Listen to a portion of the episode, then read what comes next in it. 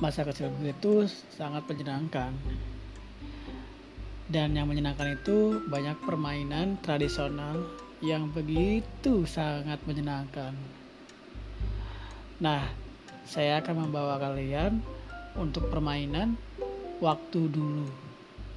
Iya contohnya permainan toktar permainan petak umpet ayunan kelereng poli uh, bola kasti dan banyak lagi nah kita akan bercerita tentang permainan tersebut yang membuat kita uh, flashback atau kembali ke masa lalu. Oke, okay, thanks kawan. Nanti kita cerita lagi ya.